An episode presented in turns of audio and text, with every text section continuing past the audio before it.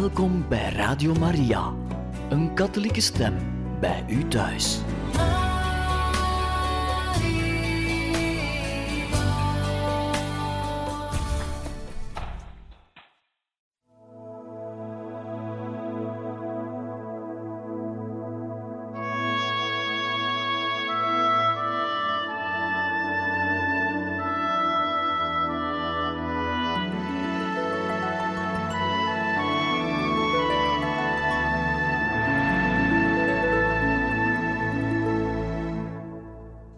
Beste luisteraars van Radio Maria, u hoort nu een geestelijke brief uit de abdij Saint-Joseph de Clairval, uit Frankrijk, in Flavigny-sur-Ozera.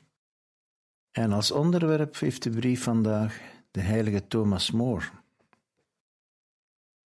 Dierbare vriend van de abdij Saint-Joseph de Clairval, beschouwing van heilige levens met de daarbij behorende strijd en heldendom heeft in alle tijd veel vruchten afgeworpen in de zielen van de christenen. Ook vandaag nog hebben gelovigen een speciale behoefte aan een voorbeeld van die levens die heldhaftig aan de liefde van God, voor God en voor de andere mensen zijn overgeleverd. Dat is een document van de Congregatie voor de Geestelijkheid over de Priesters uit 1999. Het voorbeeld van de martelaar is bijzonder verhelderend, zoals paus Pius XI nog eens onderstreepte tijdens de heiligverklaring van de heilige Thomas More. Hoewel we niet allemaal geroepen zijn ons bloed te vergieten voor de verdediging van de goddelijke wetten, moeten we evenwel allemaal, door het beoefenen van de evangelische zelfverloochening, de christelijke versterving van de zinnen en het moeizame nastreven van de deugdzaamheid, martelaren zijn uit verlangen, om met hen aan de hemelse beloning deel te kunnen hebben, volgens de expressieve zegswijze van de heilige Basilius.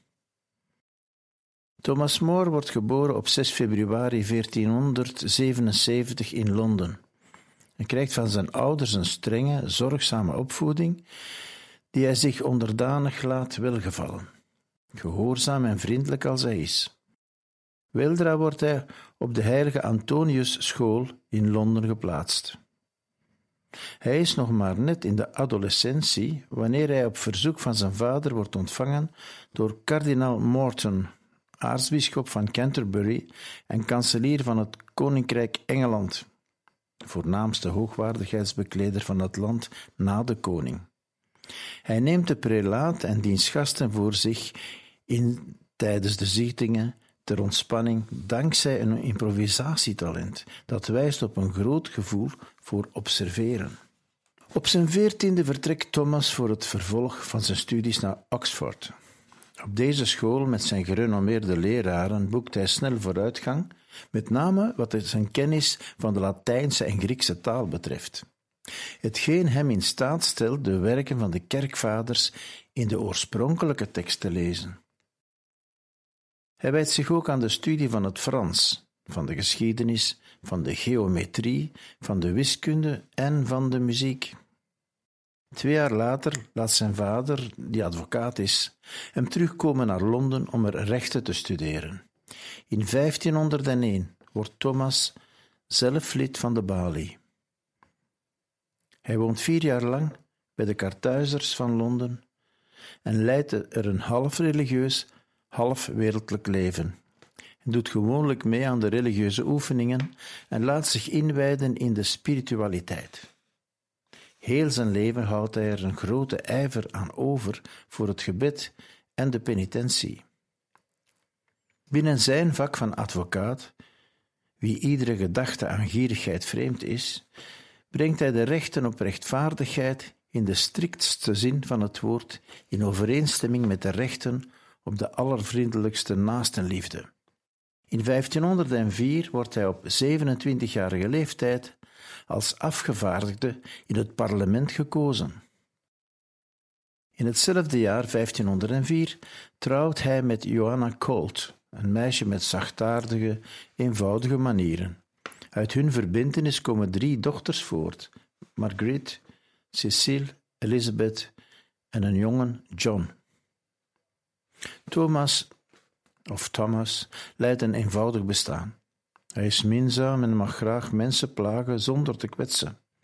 In het jaar van zijn huwelijk ontvangt hij in zijn huis Erasmus van Rotterdam, Augustijner monnik en wellicht de universeelste geleerde van zijn tijd. De beide mannen delen hetzelfde christelijk, humanistisch ideaal. Een attente echtgenoot. In 1511 treurt Thomas om het verlies van zijn vrouw. Weldra voelt hij de behoefte om aan zijn kinderen een nieuwe moeder te geven en gaat een verbintenis aan met Alice Middleton, weduwe van een Londense koopman en moeder van een dochtertje van tien. Alice, die zeven jaar ouder is dan Thomas, is een goede huisvrouw en een waakzame moeder van haar gezin. Naar Erasmus zeggen, betuigt haar echtgenoot haar evenveel aandacht en vriendelijkheid als aan een verrukkelijke knappe jonge vrouw. Hij pakt haar aan met tederheid en humor. Wat zou ze hem weigeren? Denkt u zich eens in dat deze vrouw, die reeds op haar retour is, zonder daar van nature de minste zin in te hebben, met volhardende ijver citer, harp, de eensnalige viool, eensnarige viool en fluit leert spelen en iedere dag de oefening uitvoert die haar man haar oplegde. Rond 1524 vestigt de familie Moore zich in Chelsea, dicht bij Londen, in een ruim en fraai huis, dat voorzien is van een huiskapel en een bibliotheek. Nooit vergeten ze gezamenlijk te bidden, en zeker s'avonds niet. Tijdens de maaltijden wordt er een passage uit de Bijbel voorgelezen. Thomas legt uit wat er de verborgen kennis van is en hij stelt vervolgens een minder ernstig onderwerp van gesprek voor, zodat allen zich op aangename wijze verpozen. Thomas geeft leiding aan de kinderen bij een studie van de letteren en de wetenschappen. Maar wat zou het nut zijn van Latijn en Grieks te kennen als deze kennis hen alleen maar hoogmoedig zou maken? Hij vraagt dan ook aan hun meesters hen nederigheid bij te brengen. Al dus zullen ze de schatten van de wetenschap alleen begeren, voor zover deze hen in staat stellen de verdediging van de waarheid en de heerlijkheid van de Almachtige te dienen. Daarvoor is Thomas tot alles bereid. Eerder dan gedogen dat mijn kinderen zich aan luiheid overleveren, zo schrijft hij aan zijn dochter Margaret, zou ik niet aarzelen welk nadeel mijn fortuin er ook van zou mogen ondervinden, het hoofd en de zaken in de steek te laten om me uitsluitend met u allen, met u vooral, lieve Margaret, van wie ik zoveel houd, bezig te houden. Thomas heeft inderdaad een bijzondere voorliefde voor Margaret. De brieven die zij hem stuurt en zorgvuldig gesteld zijn in het Latijn, draagt hij altijd bij zich. De liefde jegens de zijnen komt ook tot uiting in de geschenken die hij van zijn reizen voor hen meebrengt: koek, vruchten, fraaie stoffen en zo meer. Aan de hartelijke ontvangst van de familie Moore dankt hun huis de bijnaam van domicilie van de muzen, van alle deugden en van alle vormen van naastenliefde. De naastenliefde van Thomas kent geen grenzen, getuigen zijn veelvuldige en rijkelijke aalmoezen. Het is een gewoonte van hem om s'avonds de meest afgelegen plekken te doorkruisen, om er de mensen die zich voor hun armoede schamen te ontmoeten en te helpen. Vrolijk en ongedwongen ontvangt hij vaak de boeren uit de buurt aan zijn tafel. Hij richt een hospitium op waarin zijn aangenomen dochter, Margaret Giggs, de rol van verpleegster op zich neemt. Zijn diepe geloof in de voorzienigheid is bekend. Wanneer hij op een dag verneemt dat zijn korenschuren zijn afgebrand, geeft hij zijn echtgenote drie instructies. Het hele huis bij elkaar roepen om God te danken, erop toezien dat geen enkele buur van de ramp te lijden heeft, geen enkele knecht ontslaan, voor men een andere werkgever voor hem gevonden heeft. Waarom zoveel kaarsen? Maar Thomas More onderscheidt zich vooral door zijn ononderbroken vertrouwelijke omgang met Christus. Wanneer iemand over de volksdevotie spottend opmerkt: Zien God en zijn heiligen zo slecht dat ze altijd met kaarsen moeten worden omringd?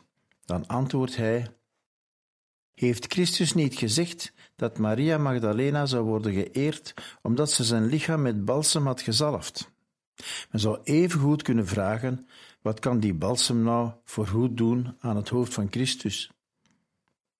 Wat het voorbeeld van deze heilige vrouw en de woorden van onze Verlosser ons leren is dat God behagen schept in de vurige warmte van het van devotie kokende hart dat overloopt van liefde. Hij ziet graag dat men hem dient met alle goede gaven die hij de mens heeft geschonken. Van het beschouwen van onze lieve Heer verheft Thomas zich tot vereenzelviging met hem en geeft duidelijk aan welke invloed Christus op de mensheid in haar geheel heeft. Deze aanwezigheid van de mens-God in de wereld vormt de grondslag van het fundamentele optimisme van Thomas, zijn liefde voor de natuur, zijn begrip voor menselijke zwakheid, zijn apostolische dynamiek. Zijn onschokbaar vertrouwen in het christendom en ook van zijn gevoel voor humor. Nergens ter wereld ziet hij een onomkeerbaar kwaad en van alle gebeurtenissen probeert hij de positieve kant aan te grijpen. Door zijn deugden, zijn wetenschap en de werken waarin hij het geloof en de godsdienst verdedigt tegen de protestantse nieuwlichters, verwerft Thomas iedere achting, en in het bijzonder die van koning Hendrik VIII, van koning Hendrik VIII. Voor zaken die het openbaar welzijn aangaan, doet men dan ook graag beroep op zijn diensten. En de brief gaat verder. In 1515 maakt hij deel uit van een gezantschap dat is uitgezonden naar Vlaanderen. En in zijn vrije tijd schrijft hij daar zijn Utopia. Twee jaar later is hij in Frankrijk voor een andere officiële opdracht. En in 1518 is hij lid van de particuliere raad van de koning. Vervolgens, in 1525, kanselier van Engeland Lancaster. En tenslotte in oktober 1529 wordt hij tot tevredenheid van de, het gehele koninkrijk benoemd tot grootkanselier van Engeland. Hm. Hoe hoger verheven hij wordt, in waardigheid, gezag of eer, hoe meer hij boven ieder verheven lijkt door zijn bescheidenheid, de rechtschapenheid van zijn karakter, zijn geduld, zijn eeuwig menselijke gevoelens die maken dat hij het leven altijd van de goede kant neemt. Getuige de volgende anekdote. Een gevangene is ontsnapt nadat hij de deuren van zijn gevangenis heeft geforceerd. De kanselier roept de cipier bij zich, die eerder dood dan levend is. Hij gebiedt hem strenger op toe te zien dat de schade snel en gedegen wordt hersteld, zodat, zo voegt hij er op mildere toon aan toe, het de voortvluchtige, mocht hij zin krijgen om terug te keren, deze keer onmogelijk zal zijn de deuren van zijn gevangenis open te breken om er weer in te gaan.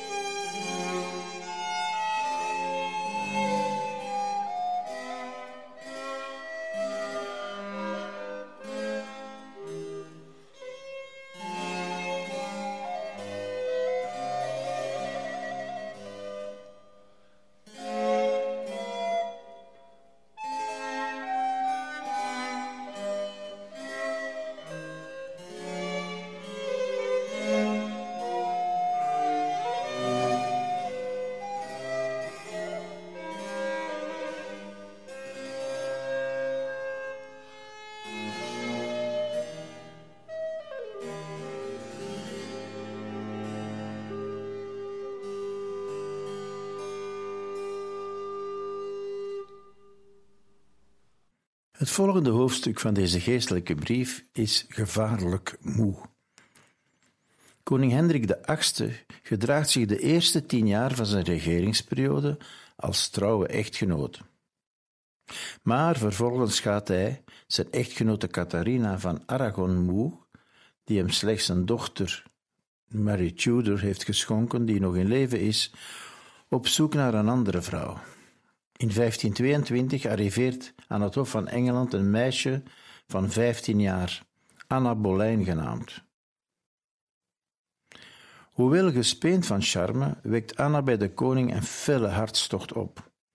Behendig weet ze Hendriks begeerigheid te prikkelen, waarbij ze steeds weigert aan zijn verlangens gevolg te geven, zolang hij niet met haar is getrouwd.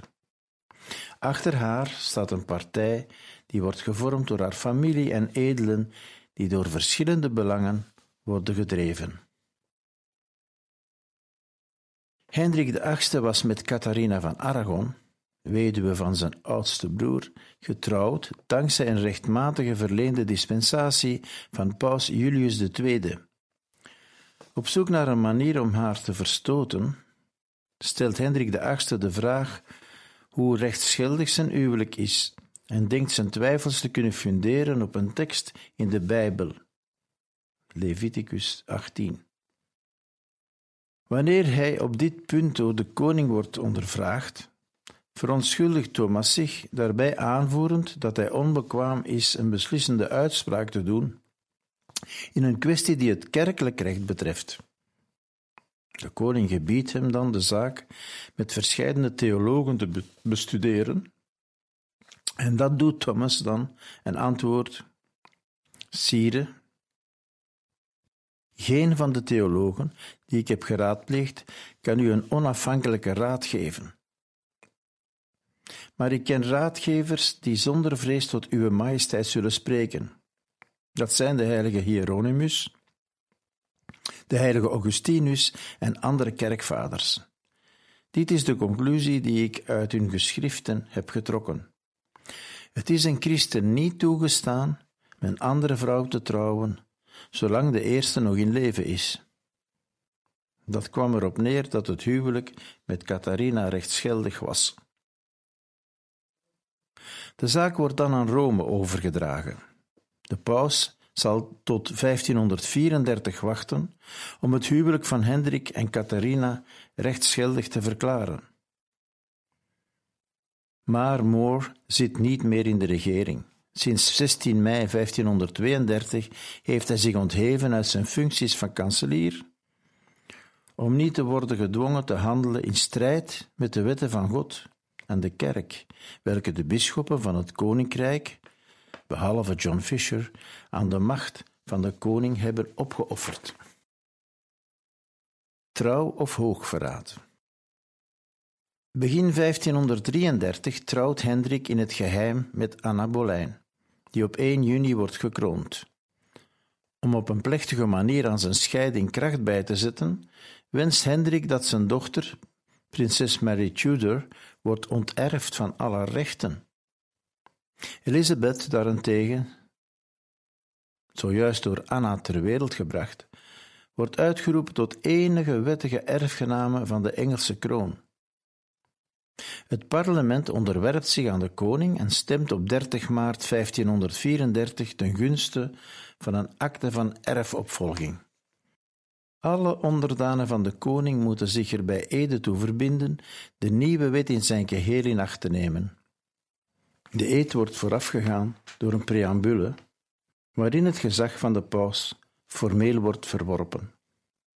Bisschoppen, kanuniken, priesters, religieuzen, schoolmeesters, personeel van ziekenhuizen, van stichtingen van vrome werken, onderwerpen zich en erkennen de koning als enige geestelijke leider, waardoor de scheiding van Rome een feit is. John Fisher, bisschop van Rochester, en Thomas More, als ook enige andere priesters en monniken, weigeren de eed af te leggen en zullen het met hun leven moeten bekopen. En Thomas, ja, die vermeldt natuurlijk, hij vertelt hoe hij moest voorkomen voor zijn eedsaflegging in een brief aan zijn dochter.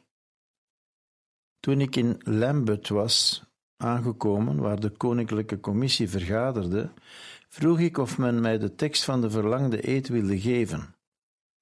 Na deze lang en aandachtig te hebben gelezen en onderzocht, verklaarde ik dat ik in alle oprechtheid van mijn geweten niet kon instemmen met het afleggen van de eed, zoals deze was geformuleerd, tenzij ik mijn ziel wilde blootstellen aan de eeuwige verdoemenis, zonder evenwel mijn eed op de erfopvolging zelf te willen weigeren. Toen ik was uitgesproken, nam de groot-kanselier van het koninkrijk het woord en verklaarde dat de aanwezigen zeer pijnlijk waren getroffen, dat ik mij al dus had uitgelaten, dat ik de eerste van alle onderdanen van zijn majesteit was die weigerde de verlangde eed af te leggen. Men presenteerde me een lange lijst van personen die hun instemming hadden betuigd. Maar ik verklaarde opnieuw dat mijn besluit, verre van veranderd, onwrikbaar vaststond. En dat zei Thomas More. De verantwoordelijkheid van mijn ziel. Voor Thomas is trouw aan het getuigenis van het geweten noodzakelijk voor het eeuwige heil. Sommigen denken dat wanneer ze anders spreken dan ze denken, God meer aandacht zal hebben voor hun hart dan voor hun lippen schrijft hij aan zijn dochter Margaret. Ik kan niet handelen zoals zij, waar het zo'n belangrijke materie betreft. Ik zou de eed niet nalaten als mijn geweten mij opdroeg dat te doen, zelfs als de anderen het weigerden. Zo zou ik hem evenmin afleggen tegen mijn geweten in, zelfs als iedereen het wel zou doen. Het onvervreemdbare karakter van het geweten betekent niet dat zijn bevelen blindelings worden opgelegd verklaart Thomas eveneens. Ieder moet zijn geweten vormen door studie en de raadgevingen van wijze mannen, want het geweten moet op de objectieve waarheid worden afgestemd. Conferator Encyclic Veritatis Splendor van 6 augustus 1993. Alvorens tot een conclusie te komen die zich aan zijn geweten oplegt, heeft Thomas zichzelf belast met een aanzienlijke hoop werk. Hij erkent echter dat het gezag van de kerk prevaleert boven zijn eigen conclusies, maar de menselijke autoriteiten kunnen niets aanvangen tegen een rechtschapen en vastberaden geweten. Ik alleen, ik alleen draag de verantwoordelijkheid over mijn ziel, verklaart Thomas More. Zo biedt zijn geweten weerstand tot aan de dood tegen de valse beschuldigingen in waarvan hij het slachtoffer is, tegen de valse getuigen in, tegen het machtsmisbruik van de koning in, tegen het verval van het gevoel voor moraal, in dat wit noemt wat zwart is en slecht is wat goed is. Citaat van Thomas More.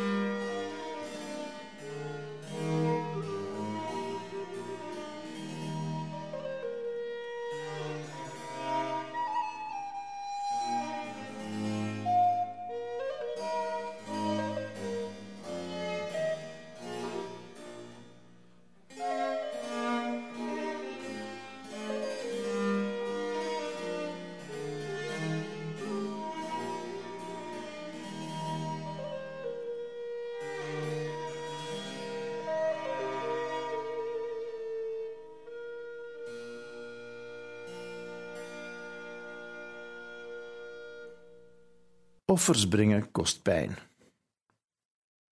De houding van Thomas is een lichtend voorbeeld voor onze tijd.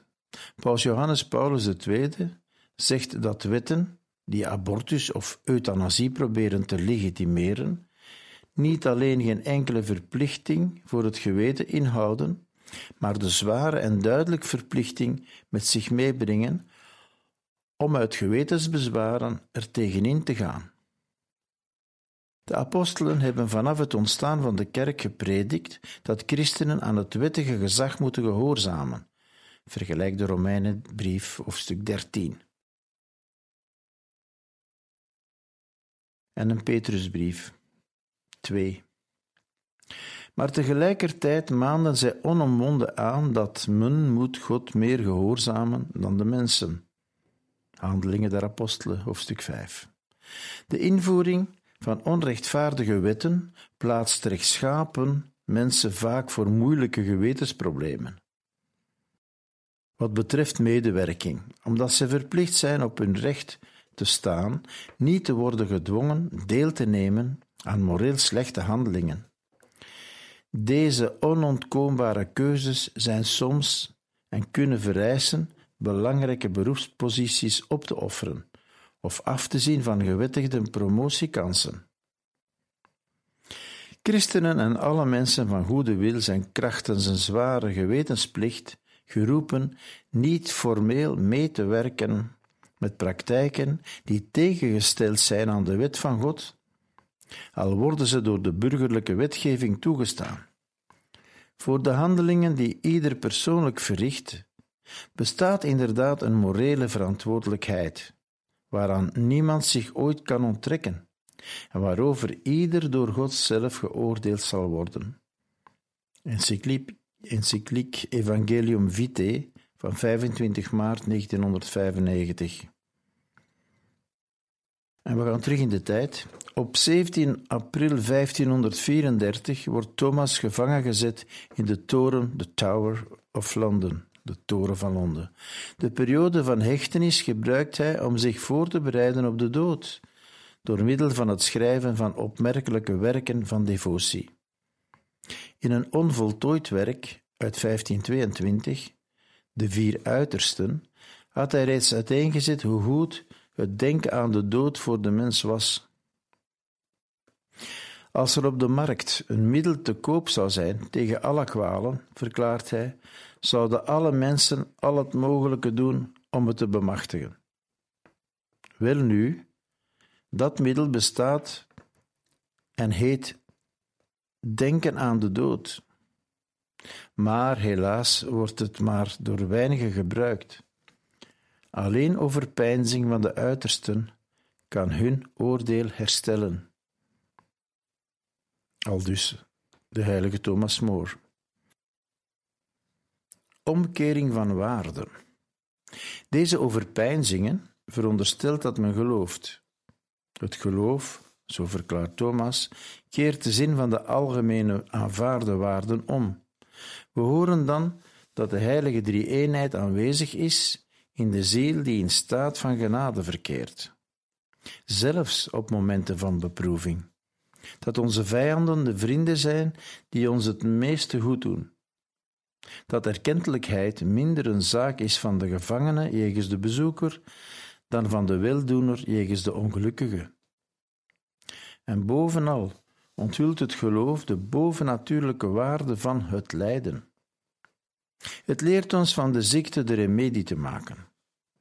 De voornaamste reden van al onze tegenspoed is, volgens Thomas More, in ons het verlangen te wekken te worden getroost door God. Onze tegenslagen helpen ons ook ons te zuiveren van onze misstappen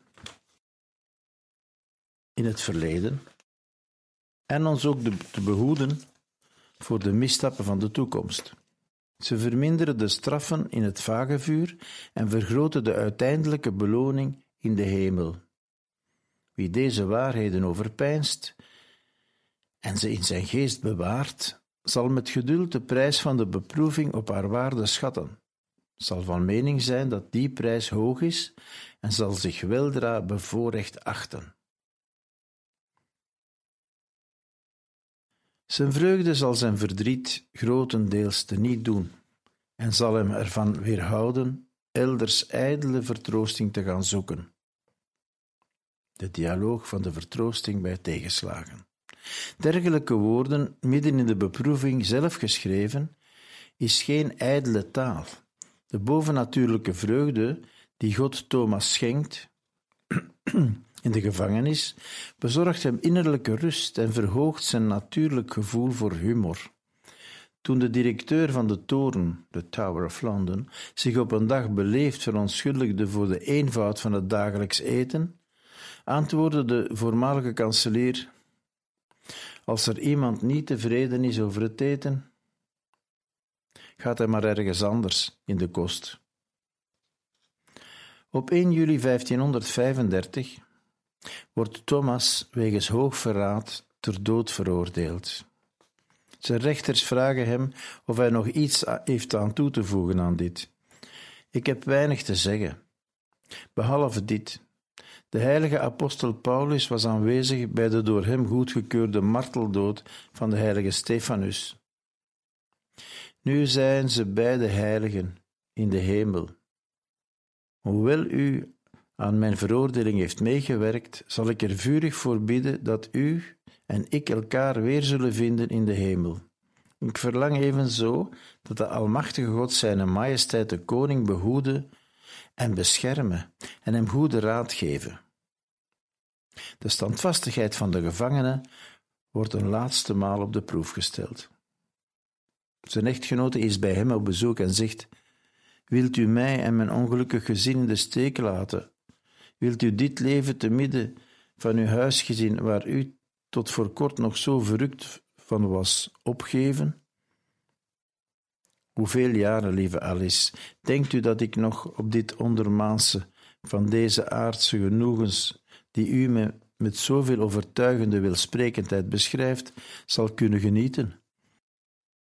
Twintig jaar op zijn minst, als het God belieft. Liefste vrouw van me, u bent geen handige koopvrouw. Wat is een twintigtal jaren vergeleken bij een zalige eeuwigheid? En het laatste hoofdstukje van deze geestelijke brief over de heilige Thomas More heeft als titel Hij heeft geen verraad gepleegd.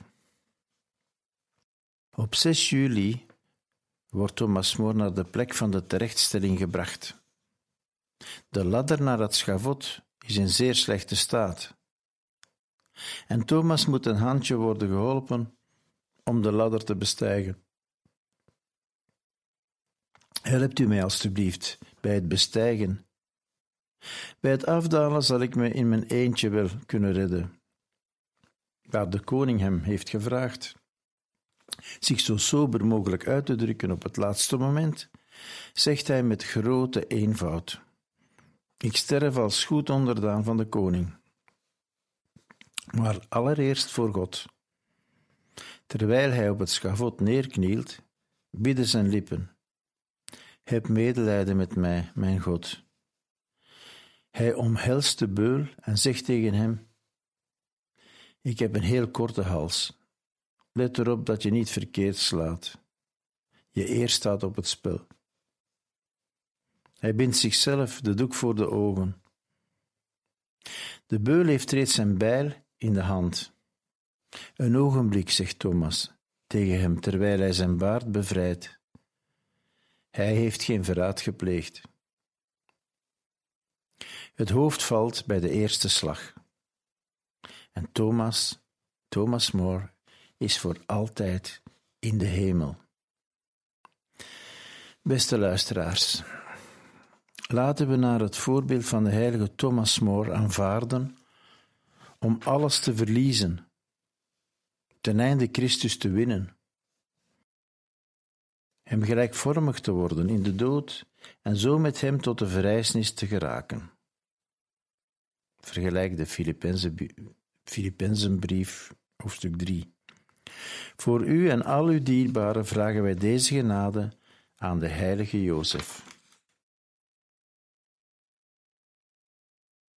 De brief is van Dom Antoine Marie. Beste luisteraars van Radio Maria, dank u voor het luisteren naar deze brief aangaande de heilige Thomas More. Tot een volgende keer.